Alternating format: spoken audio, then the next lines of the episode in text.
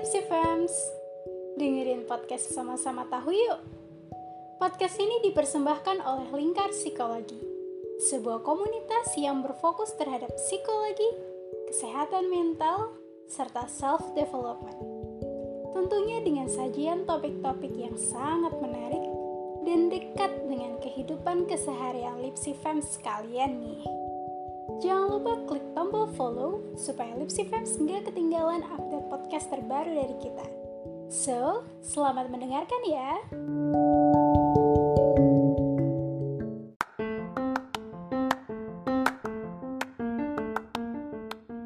Assalamualaikum warahmatullahi wabarakatuh Lipsy Fans. Selamat malam nih. Gimana kabarnya hari ini?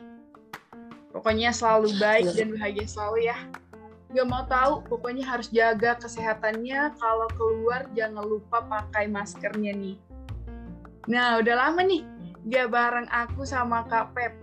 Kali ini kita bakal bahas tema yang relate banget sama hari ini. Apa itu ya? Kita bakal bahas nih kita mengenai pelayanan kesehatan mental di Indonesia Kak Pep sebelumnya Sabila Kak Pep perkenalin dulu kitanya ke Lipsy Fans. Uh, jadi ya balik lagi ya sama kita berdua ada Kak Feby, terus juga ada Wanda dan hari ini Wanda kita nggak cuma berdua loh. Kali ini kita bakal bareng Kak Eli nih. Pokoknya ini pematerinya ini keren, super duper keren, kece banget kan ya Kak Pep? Oh pastilah, kan kita nggak pernah mau bahas tentang yang ginian. Jadi harus yang, hmm, emang menguasai bidangnya gitu. Oke, buat Kak Eli nih, say dulu Kak Eli buat Lipstick Fams. Uh, selamat malam Wanda dan Febe. Selamat malam Kak Eli. kan suaranya lembut banget. Gimana Kak nih kabarnya Kak Eli? Alhamdulillah baik. Febe dan Wanda gimana kabarnya? Alhamdulillah baik juga. Oke, mungkin bisa kenalan sama Eli ya Eli bisa cerita sedikit uh, sehari-harinya kegiatannya apa aja sih Eli? Oke, sebelumnya perkenalkan nama aku Eliana Dwi Farisandi Agasi Psikolog. Aku adalah seorang psikolog klinis dan saat ini aku bekerja menjadi dosen di Prodi Psikologi Universitas Pembangunan Jaya dan juga menjadi asosiat psikologis di Ibunda dan mentalhealing.id. Udah berapa lama nih jadi apa namanya eh, men jadi seorang psikolog? Um, kalau jadi seorang psikolog sepertinya udah hampir dua tahun ya setahun lebih berapa bulan gitu sembilan kalau nggak salah deh. Tapi kalau jadi dosennya baru sebulan. So, Lipsy Pams, kali ini kita bakal bahas nih mengenai pelayanan kesehatan di Indonesia nih. Oke, ada tiga faktor utama nih yang menjadi penyebab meluasnya gangguan kesehatan mental di Indonesia. Yang pertama, kurang dukungan dari pemerintah nih. E, kayak perbandingan penanganan sama pasien itu nggak seimbang gitu. Misalnya kayak fasilitas penanganan dan ODJ-nya tuh nggak seimbang.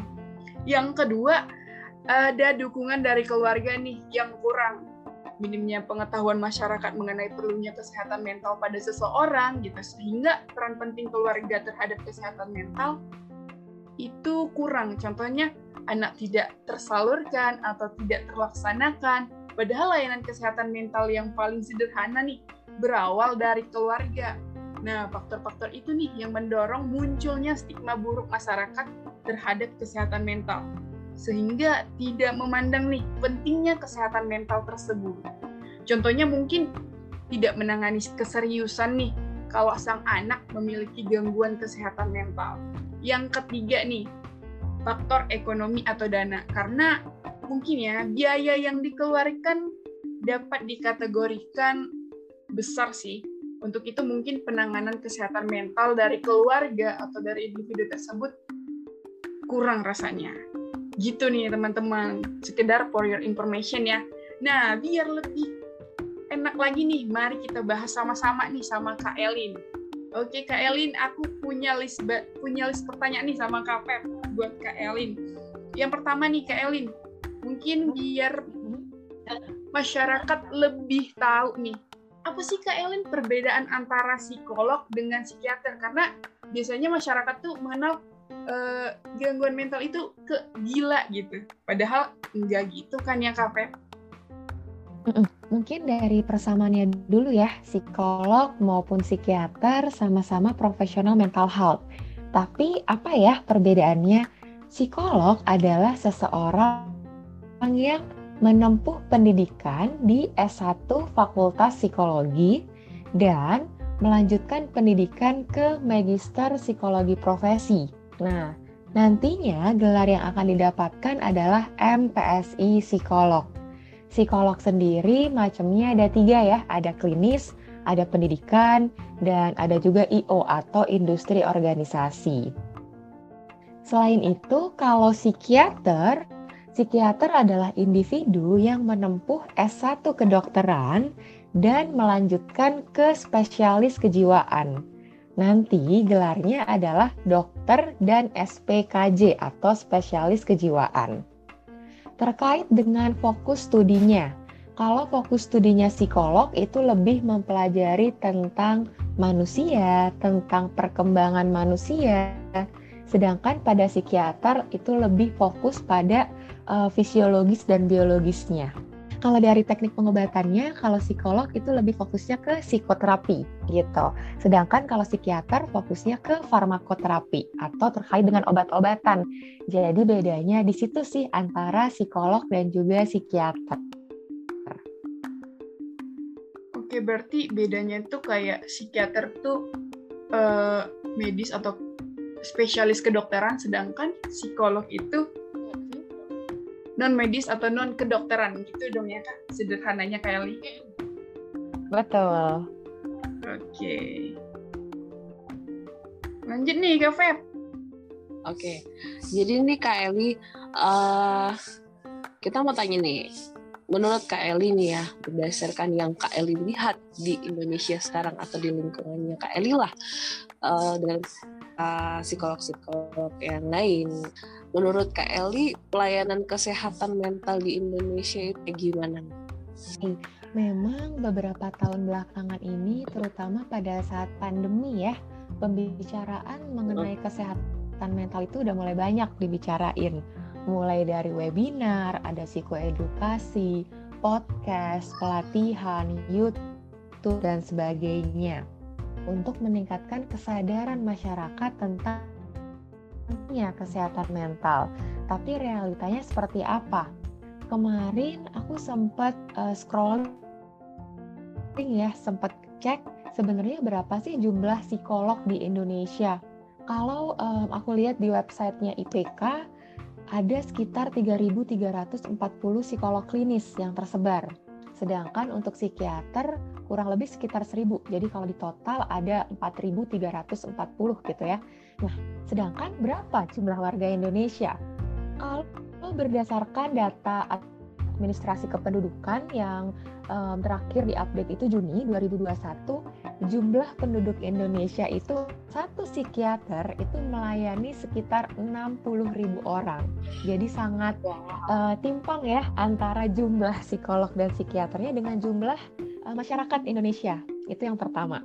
Yang kedua, um, saat ini karena um, belum banyak ya psikolog dan psikiater, masih banyak sekali puskesmas yang tidak memiliki psikolog. Nah, kalau dari di rumah sakit yang tercover BPJS itu baru psikiater, tapi untuk psikologi belum tercover BPJS. Hmm.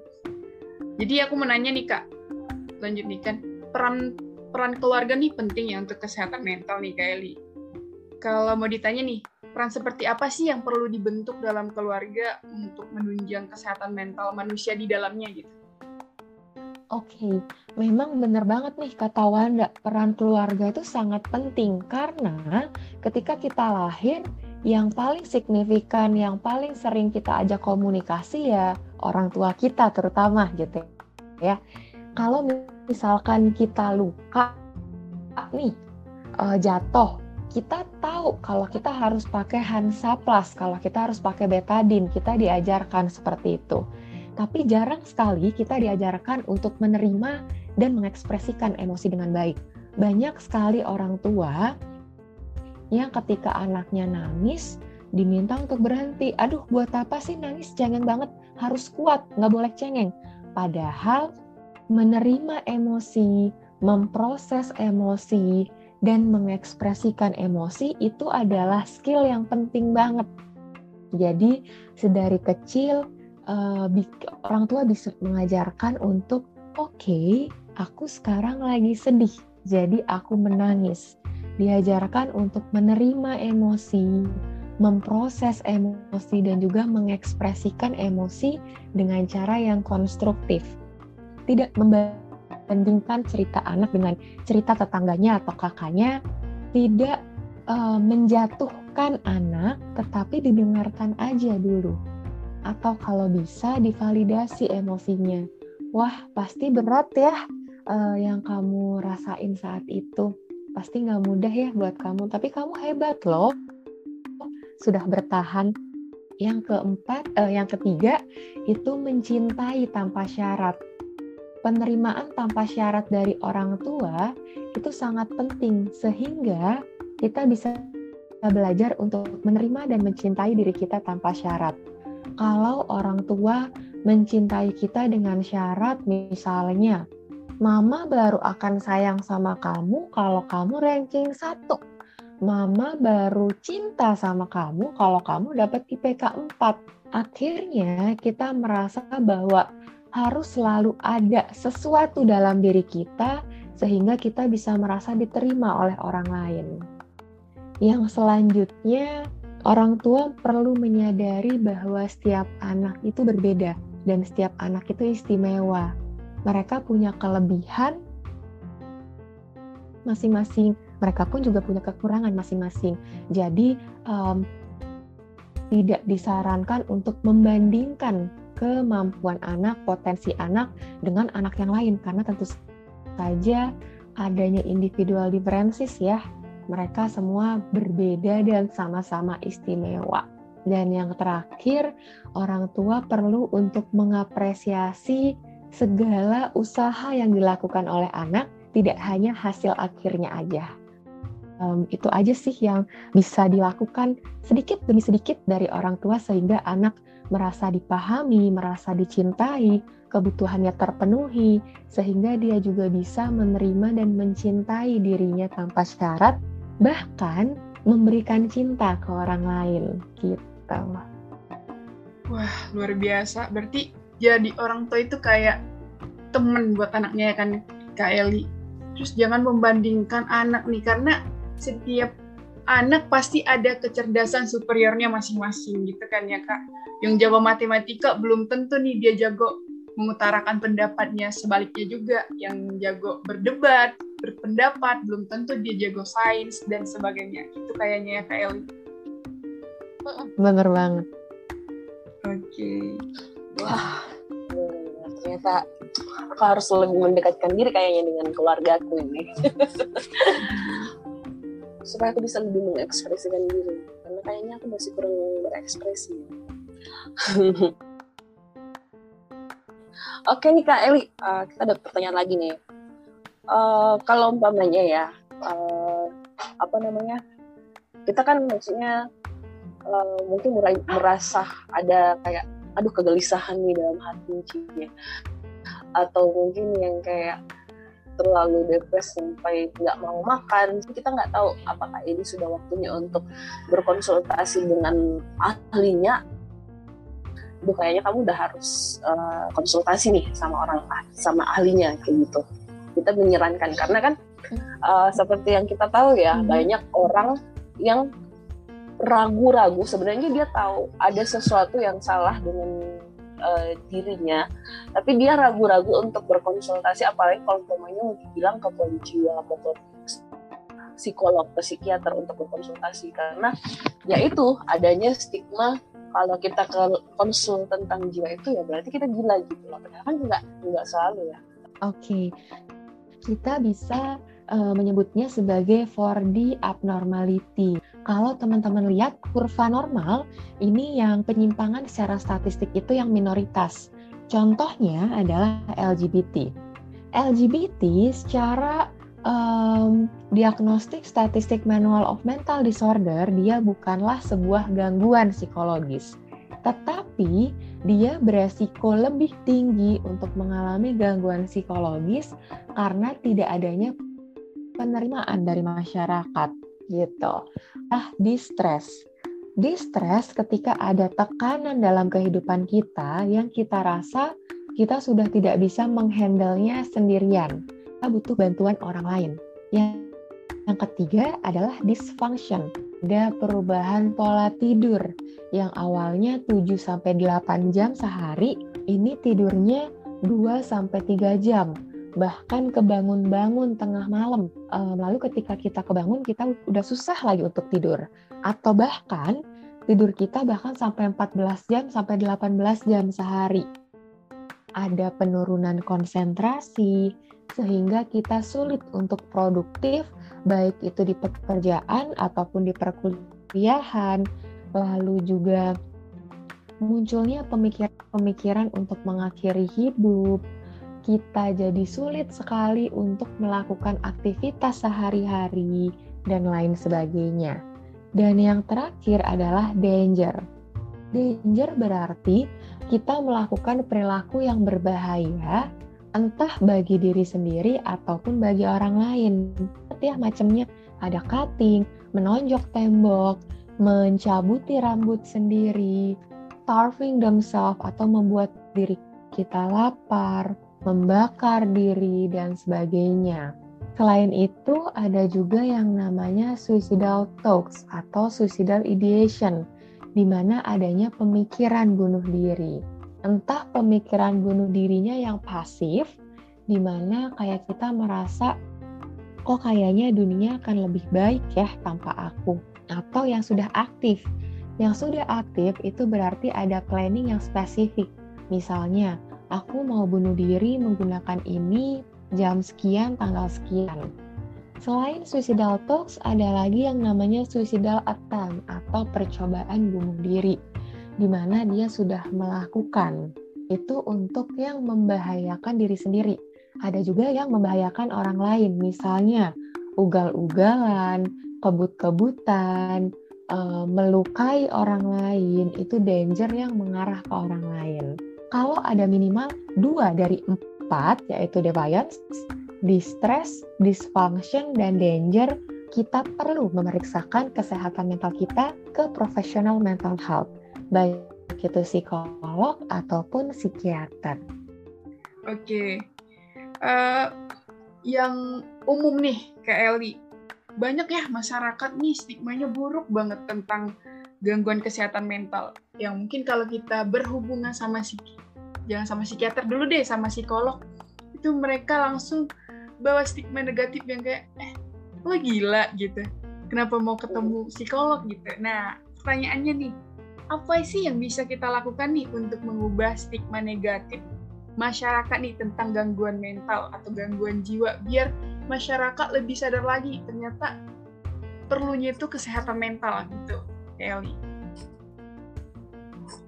Oke, memang benar banget nih kata Wanda bahwa stigma itu sangat berbahaya ya. Karena yang pertama, um, stigma bisa mencegah seseorang untuk mencari bantuan. Karena masih banyak sekali stigma yang mengatakan kalau ke psikolog adalah orang gila, kurang iman, kurang bersyukur, kurang mendekatkan diri kepada Tuhan, dan sebagainya.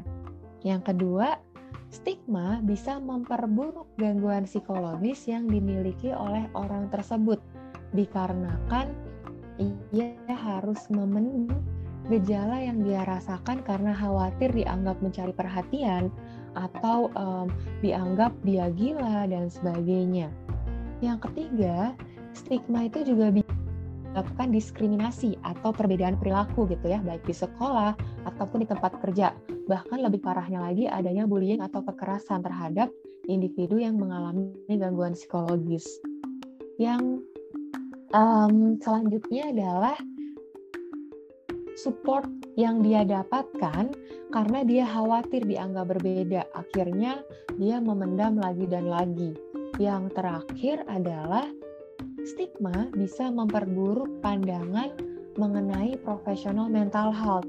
Misalnya, psikolog cuma dengerin aja kok bisa mahal banget sih, padahal tinggal berdoa aja udah selesai.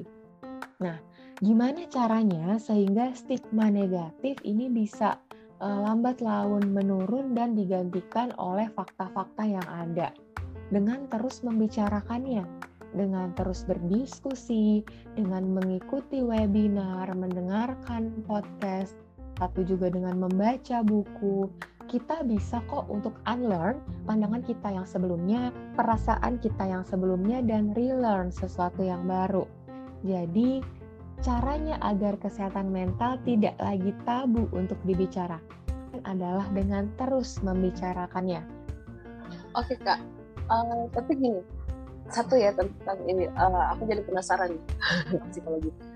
Tapi biasanya kan ada yang mencoba untuk mendiagnosa diri sendiri kayak menyamakan uh, wah kayaknya saya saya nih uh, ciri-cirinya aku banget nih. Berarti aku punya mental disorder kayak gini dong. Itu menurut kakak gimana nih? Hmm. dengan orang-orang yang biasa mendiagnosa diri sendiri. Oke. Okay. um, self diagnosis itu sebenarnya sangat berbahaya ya karena yang pertama pertama bisa false diagnose di mana sebenarnya orang tersebut mengalami bipolar tetapi dia mendiagnosa dirinya sebagai depresi. Yang kedua, bisa under diagnose. Sebenarnya seseorang itu mengalami gangguan psikologis tetapi dia mengatakan pada dirinya oh enggak kok aku baik-baik aja emang kayak gini aku. Atau over diagnose di mana sebenarnya dia baik-baik aja tetapi dia mendiagnosa dirinya wah aku kayaknya skizofren deh. Wah kayaknya aku skizoafektif deh dan lain sebagainya. Dan yang um, terakhir uh, eh, self diagnose itu juga bisa membuat kita menjustifikasi perilaku kita mengalami gangguan psikologis tertentu.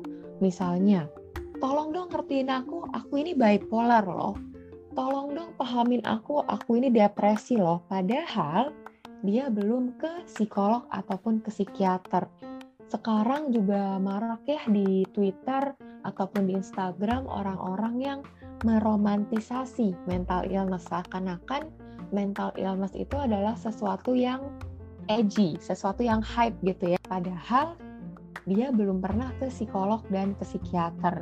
Hal ini semakin membuat stigma yang negatif untuk orang-orang yang benar-benar mengalami gangguan psikologis, di mana gangguan psikologis itu uh, berat loh, di mana gangguan psikologis itu tidak um, tidak sesimpel itu loh. Oh, seakan-akan um, gangguan psikologis itu adalah hal yang hype, hal yang bisa diromantisasi.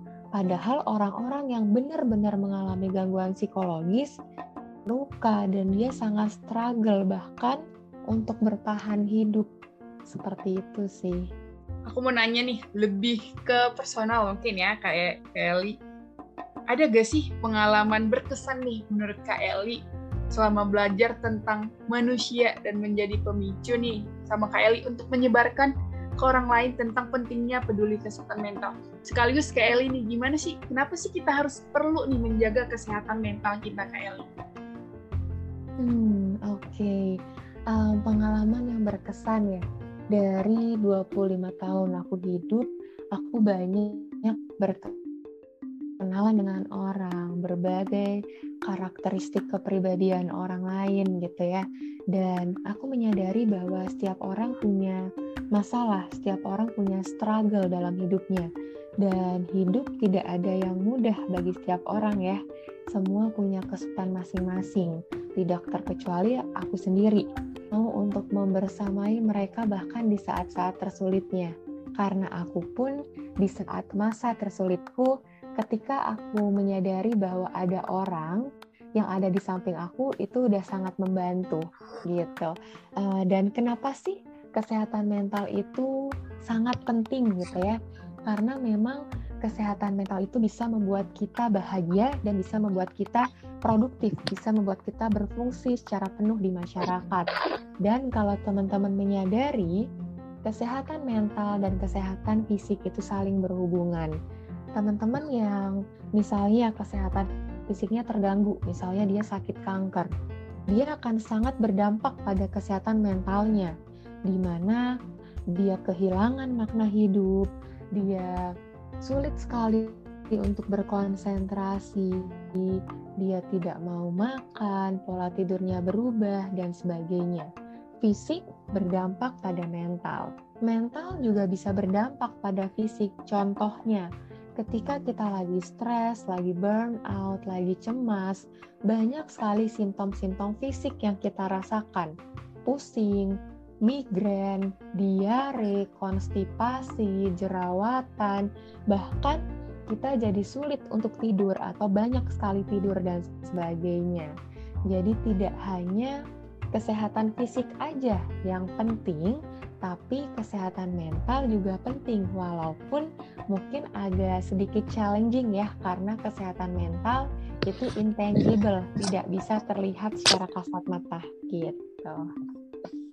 Wah, berarti memang kesehatan mental dan kesehatan fisik itu saling berdampingan gitu ya kan Kak Eli. Kalau salah satunya ini Benar. tidak baik, bisa jadi dua-duanya langsung ambruk gitu ya kan Kak Eli. Wah, kita udah di penghujung nih. Padahal masih banyak nih ribuan pertanyaan rasanya cuman ya melihat durasi waktu ya kan Kak Feb. ya sebenarnya masih banyak yang uh, pengen kita gali lagi ya Kak Eli, apalagi melihat kondisi sekarang memang sebenarnya banyak orang yang membutuhkan membutuhkan pertolongan dari yang ahlinya. Oke kak, mungkin semoga uh, di lain kesempatan kita bisa berdiskusi lebih banyak lagi ya tentang kesehatan mental ini dan mungkin ada closing statement dari Kak Eli tentang uh, apa sih yang harus kita lakukan dengan orang-orang sekitar kita untuk menjadi ya seperti itu agent of change atau apa gitu. Hmm. Um, aku cuma mau bilang bahwa setiap orang menjalani battle yang kita nggak bisa lihat gitu ya. Jadi aku harap teman-teman bisa berbuat baik kepada orang lain. Jika tidak ada hal yang baik yang bisa dikatakan, akan lebih baik diam saja. Karena um, ketika kita mengatakan hal-hal buruk, misalnya memaksa dia untuk bersyukur, memaksa dia untuk mendekatkan diri kepada Tuhan, memaksa dia untuk bisa melihat bright side atau uh, positive thinking aja, itu sebenarnya tidak membantu. Malah membuat seseorang tidak tervalidasi emosinya, tidak merasa dipahami, dan tidak merasa dimengerti dan aku harap teman-teman juga uh, perlu untuk banyak sekali membaca, mengikuti webinar-webinar, psikoedukasi dan pelatihan karena perubahan itu dimulai dari diri kita sendiri. Walaupun rasanya berat untuk dilakukan, walaupun rasanya challenging untuk dilakukan, tapi setidaknya ketika teman-teman berusaha, kita bisa membuat dunia lebih aman, lebih nyaman dan lebih bisa peduli dengan orang-orang yang mengalami gangguan psikologis. Aku harap dunia ini menjadi lebih hangat karena adanya kepedulian teman-teman terkait individu yang mengalami gangguan psikologis. Mungkin dari aku itu aja. Oke, makasih banyak ya Kak Eli untuk sharingnya hari ini. Sangat-sangat-sangat menambah ilmu banget buat kita nggak cuma buat aku sama Wanda sih tapi buat uh, pendengarnya Lipsy juga ya Lipsy fans juga Sama-sama. Thank you juga ya uh, eh, VB dan Wanda udah ngasih kepercayaan ke aku untuk jadi pembicara di podcast ini. Aku mau ada info nih KP buat Lipsy fans. Apa itu? Oke. Okay. Buat Lipsy Pems nih yang mau ikutan nih event kita untuk Hari Mental nih, uh, di tahun ini kita punya Instagram nih di @mentalhealth.prometer nih. Dan jangan lupa pokoknya kepoin kita dan info-info-info menarik tentang psikologis di scicircle.id dan keluarga Lipsy Pems. Dan jangan lupa ikutin webinarnya dan kalau mau kepo nih tentang Kak Eli, boleh banget di follow Instagramnya di mana nih Kak Eli? um, Instagram aku di @aliana_dwi_f. Nah, lebih tuh di follow. Sekian nih dari aku sama Kak Pep sama Kak Eli. Semoga bisa menambah ilmunya di malam yang berbahagia ini. Kita bertiga pamit undur diri dan mohon maaf kalau ada kalimat kita yang salah atau mungkin perilaku kita selama podcast. Sekian dari kita. Assalamualaikum warahmatullahi wabarakatuh. Dadah.